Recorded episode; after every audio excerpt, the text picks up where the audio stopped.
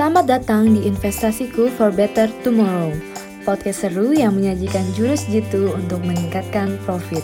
Kembali lagi dengan saya Inge, kali ini kita akan ngobrol-ngobrol bersama Padani Eugene, Head of Research dari Mega Capital Securitas mengenai saham yang lagi viral, IPO Bukalapak di aplikasi Investasiku.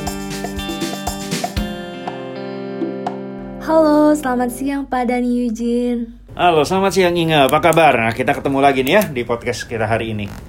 Oke, nah jadi ini kan sekarang ini boleh dibilang podcast kita yang ketiga terkait Bukalapak kan. Yang pertama kita berbicara tentang IPO Bukalapaknya kan, struktur IPO-nya, tanggal-tanggal pentingnya, cara pemesanannya kan.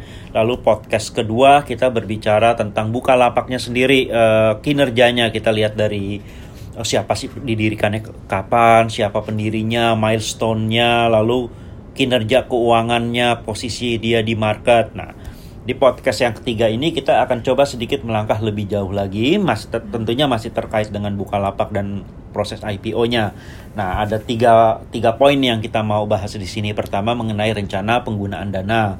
Lalu kedua, ini menarik, ada yang namanya istilah lock up period. Nanti kita akan masuk apa sih itu lock up period dan uh, ketiga tentang aturan pooling. Nah, dengan adanya apa sih kenapa sih aturan pooling itu?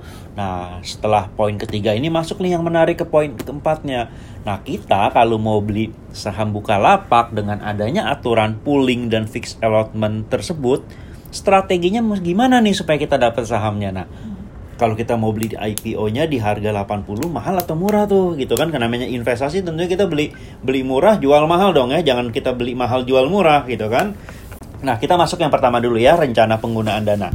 Nah berdas uh, biar nggak salah kutip saya baca dari prospektusnya. Jadi katanya seluruh dana yang diperoleh dalam penawaran umum setelah dikurangi oleh biaya-biaya emisi emisi saham akan dialokasikan untuk modal kerja perusahaan dan atau anak usahanya. Nah, jadi semua dana hasil IPO itu yang 21,7 triliun itu targetnya kalau tercapai itu semuanya akan digunakan sebagai modal kerja.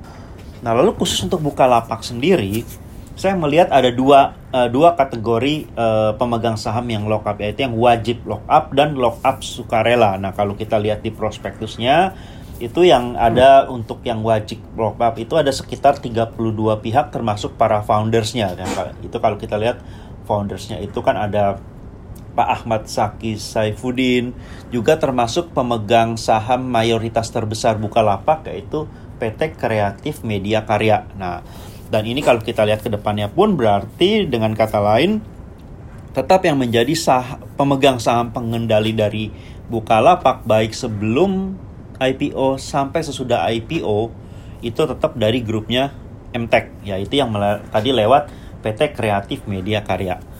Nah, selain itu ada juga tuh yang namanya pemegang saham lockup sukarela. Nah, ini ada kalau kita lihat itu uh, ada yang satu RDPT, Reksadana, uh, pernyataan terbatas, lalu juga ada beberapa pihak lain.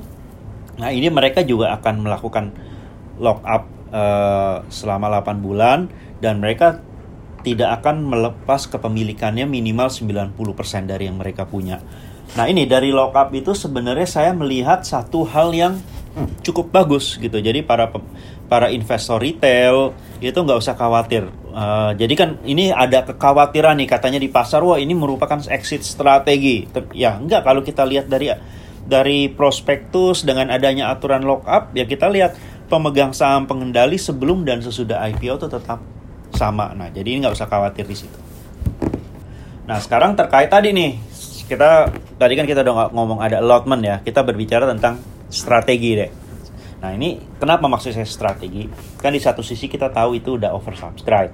Kan pertanyaannya, sesegala sesuatu kalau yang rebutan, itu kan kita harus mikir gimana caranya supaya kita dapat, ya kan?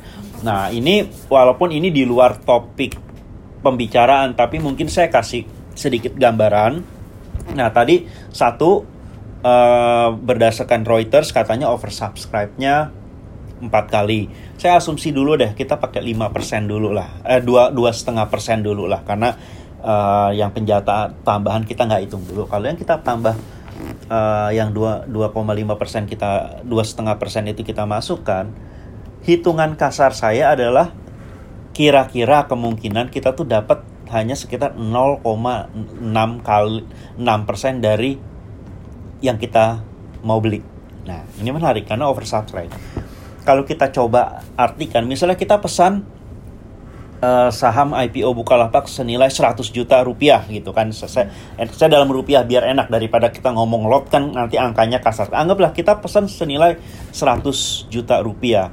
Nah, dengan asumsi kalau tadi oversubscribe-nya benar empat kali, lalu penjatahan yang retail antara dua setengah sampai 5 persen, kira-kira dari kita pesan 100 juta rupiah itu kemungkinan besar kita hanya dapat 600 ribu rupiah saja gitu. Iya, karena memang ini laku banget nih rebutan nih. Atau dibalik nih, dibalik.